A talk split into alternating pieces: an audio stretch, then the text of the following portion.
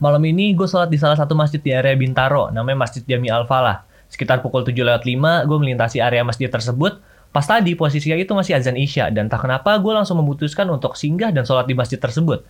Biasanya kalau masih jam 7 lewat 5, gue masih gaspol motor tuh sampai jam 7 lewat 20-an lah. Dan baru nyari masjid yang ada di sekitar tempat gue berhenti. Setelah Isya, dilanjut raweh, biasanya juga nih gue cuman sholat 8 rakaat dan setelah itu langsung cabut buat jalan lagi. Tapi tadi gue penasaran ini sholatnya berapa rakaat sih?